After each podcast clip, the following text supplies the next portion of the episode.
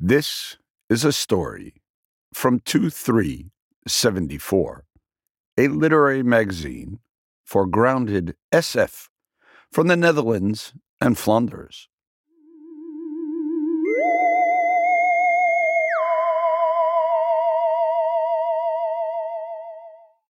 They will find us here.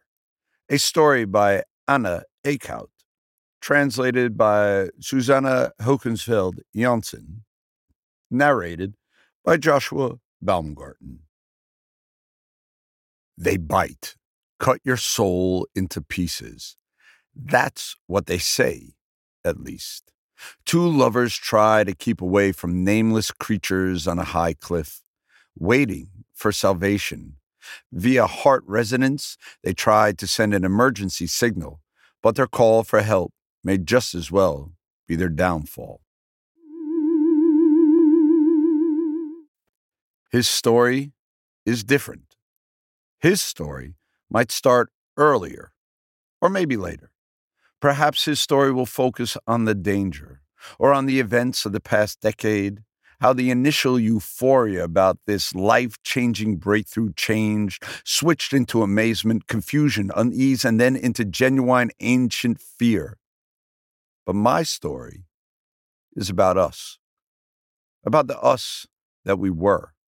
He and I resonate together.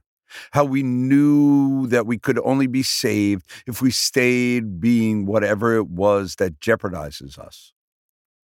How I believe that they will never, never understand this. Don't look down. His shoes are at least six sizes bigger than mine. If I feel a tingling in my throat as we walk along the edge, he must feel it even more. The edge is wide enough for our feet, but too narrow, but too narrow for my fear. It's the void below that threatens to grab me. You must remember that this void does not have arms. The rocks rise high.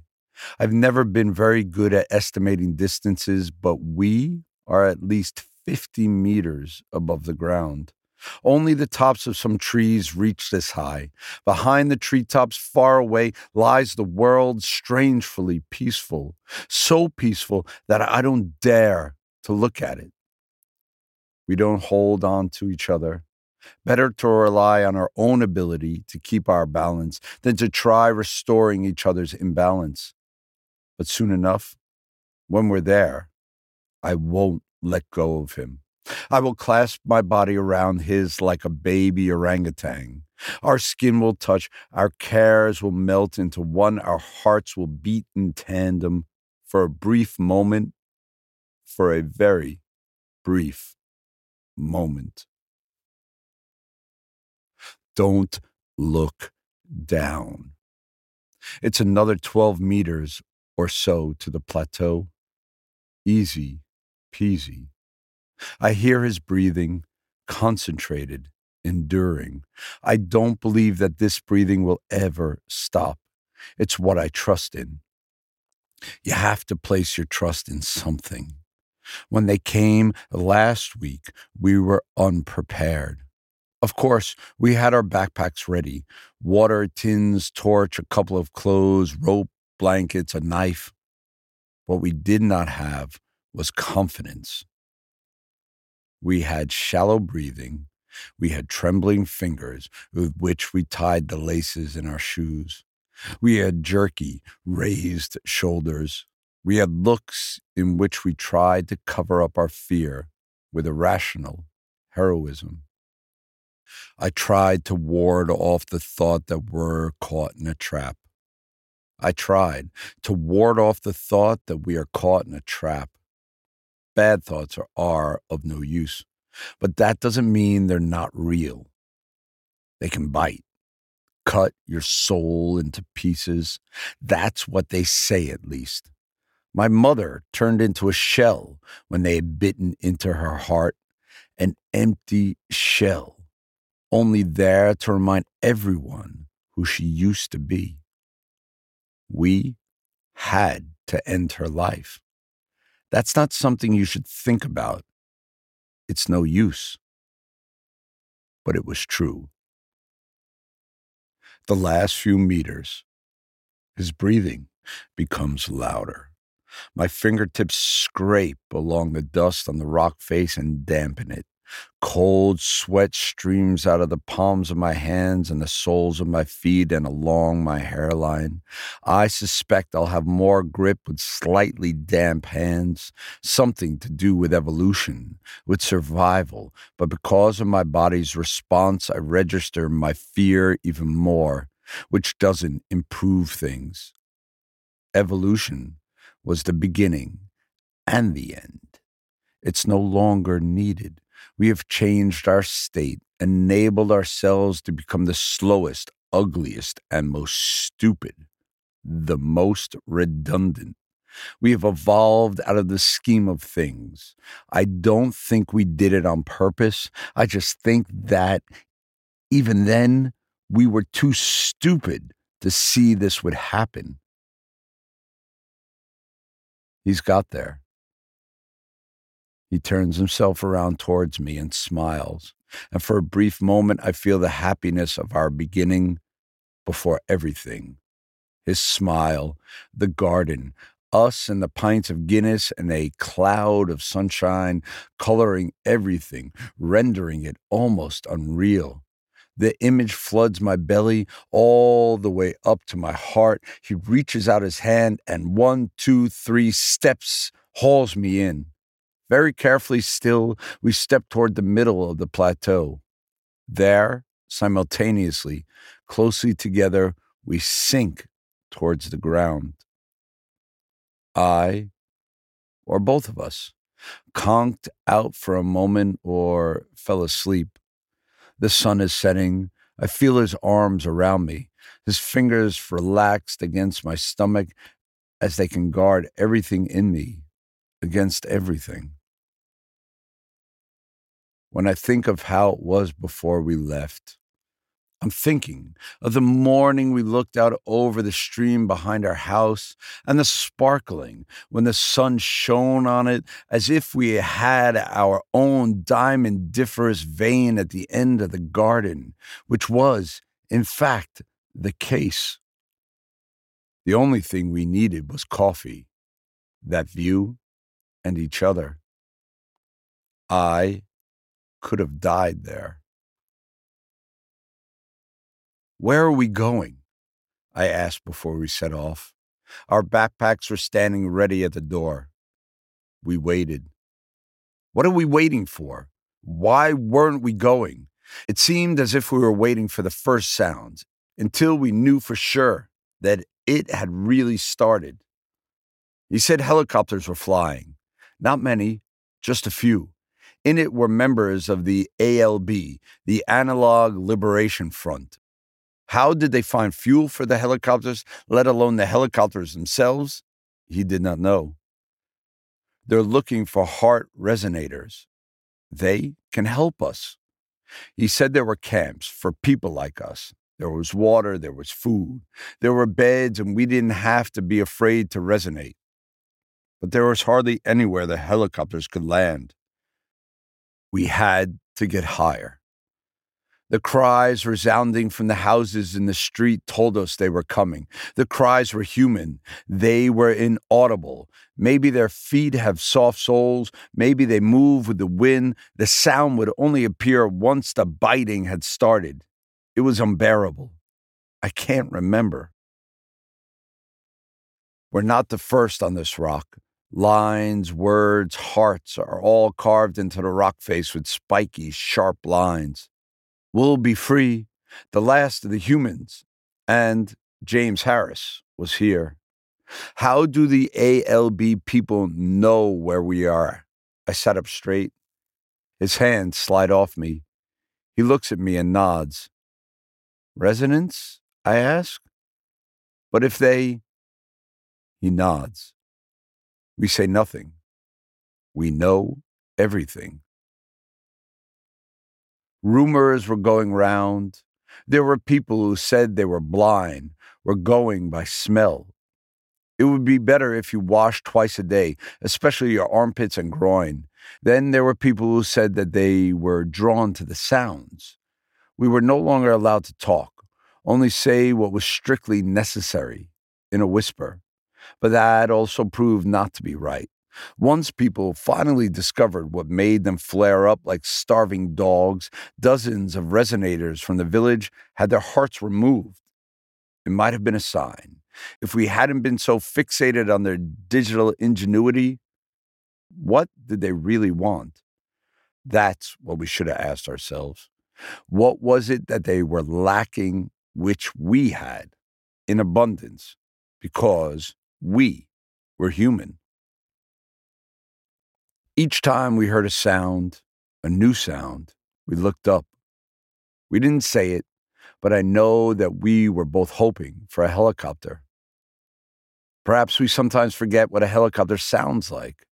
Maybe we hope that the calling of a vulture the rustling of the wind in high trees, the rolling down of small stones and rocks can sound exactly the same as the rising, swishing sound of rotor blades. When we get bored, we hum songs the other person needs to guess. He hums better than me, but I don't recognize as many tunes, and so we can pretend for a long time that it's exciting they say that once you've seen one, you'll have the image forever etched in your memory when closing your eyes. He doesn't want to tell me whether it's true or whether at night, when, like two earthworms, we fall asleep against each other, quivering, he disintegrates into a thousand pieces inside his head, like a machine full of bytes, which can never be more than the sum of its parts isn't that what we're holding on to? That we're not really machines, puzzles, just like them, but with one unaccountable piece, one piece that fits only inside us, a piece of me that can resonate with a piece of him. Every day, we sit opposite each other for a few minutes. We say nothing. We do not laugh. We lock our eyes and our hearts open. And for as long as we sit like this, our pupils staring into each other's glistening water, as if that's also connected. Water flowing into water, we can feel the resonance. It's a light vibration in my chest and in his. I know because I feel it, as if something's overflowing from him to me, from me to him, and it sometimes makes me cry. After three minutes, we drop our gaze and slowly extinguish our hearts. Then, with eyes closed, we listen in deep concentration to all the sound that we can detect, whatever it may be.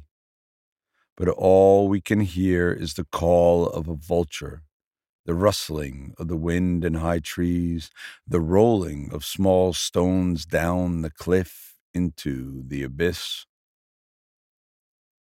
We saw my mother lying on the ground in her kitchen.